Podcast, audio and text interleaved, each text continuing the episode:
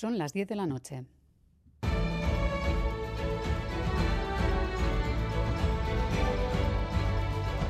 Radio Euskadi y Radio Vitoria.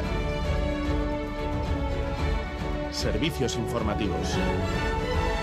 Repasamos los titulares de la jornada con John Fernández Mur, Gabón. Gabón, Miriam, noticias de este martes 10 de octubre en el que comenzamos mirando la franja de Gaza. Israel aplica el anunciado bloqueo total sobre la franja e intensifica los bombardeos. Son ya 830 muertos en Gaza y al menos 4.250 heridos según las autoridades locales. Israel sigue adelante con ese bloqueo total y en Gaza tienen cuatro horas de luz, restricciones también al agua, nos lo contaba desde allí mismo Cayez tenemos cuatro horas al día y el agua, la mitad de cantidad ahora, porque ellos han cortado también el agua Existe un paso fronterizo de Gaza que Israel no controla, es el puesto fronterizo de Rafah entre Gaza y Egipto. Pues bien, para que el bloqueo sea de verdad total, según la agencia France Press, Israel ha bombardeado esta única salida que no controla hasta tres veces en las últimas 24 horas. Mientras Israel se congratula de haber matado a dos altos cargos de Hamas en los bombardeos. La cifra de fallecidos en el lado israelí supera ya las mil personas. Hamas también se llevó rehenes, más de 100, y sus familiares están cada vez más inquietos ante la amenaza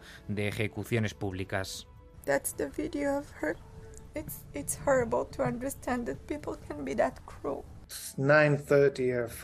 Por otro lado, también continúan los enfrentamientos en la frontera entre Israel y Líbano. La ONU asegura que hay pruebas claras de que se han cometido crímenes de guerra, como la toma de rehenes civiles y la utilización de civiles como escudos humanos por parte de Hamas. Pero por otro lado, a través de su Comisión Internacional de Investigación sobre Palestina e Israel, advierte Naciones Unidas de que el asedio total anunciado por Israel costará vidas civiles y constituye un castigo colectivo, algo prohibido por el derecho internacional. Lo pondrá todo en conocimiento del Tribunal Penal Internacional. Mientras, la diplomacia europea, tras las dudas de ayer, opta por no eliminar toda ayuda a Palestina. Josep Borrell.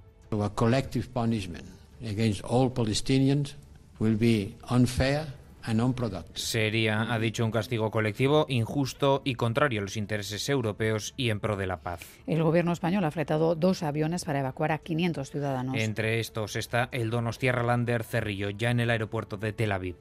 Ahora mismo me encuentro en el aeropuerto de Tel Aviv, de Ben Gurion. Después de tres días de haber estado encerrado en casa en el búnker, por fin hemos podido salir. La verdad que estoy súper contento. La embajada nos ha hecho caso al final. He podido hablar con ellos, ya he pasado el listado.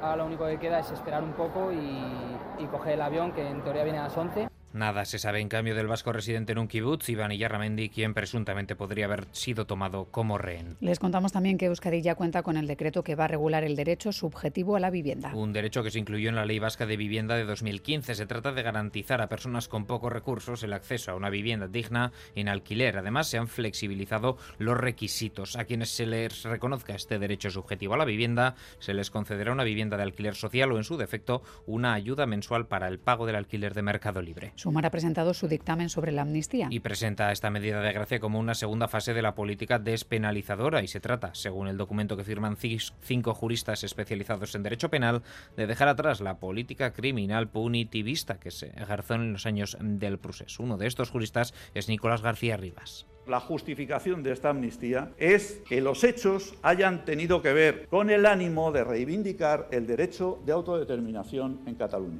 Sostiene que ciertas decisiones judiciales que se adoptaron no fueron proporcionales. A Esquerra Republicana de Cataluña no le ha gustado que se presente en público esta iniciativa, tampoco al PSOE o al PNV. Pachi López, Aitor Esteban. Es que el guiso no está en el fuego, no está en el fuego, no hay guiso. Hablaremos cuando tengamos que hablar sobre este asunto. Soy vasco como Aitor Esteban y a partir de las negociaciones de la semana que viene, discreción. No entiendo a qué viene. O sea, es que estas ganas de ser el perejil de todas las salsas, yo creo que este tema eh, que les toca es a los partidos catalanes y pues a la parte principal de lo que puede ser ese gobierno, entre otras cosas, sobre todo al candidato, ¿no? Es todo más noticias en una hora y en todo momento en itv.eus y en la aplicación ITV Albisteac. Gero arte. Música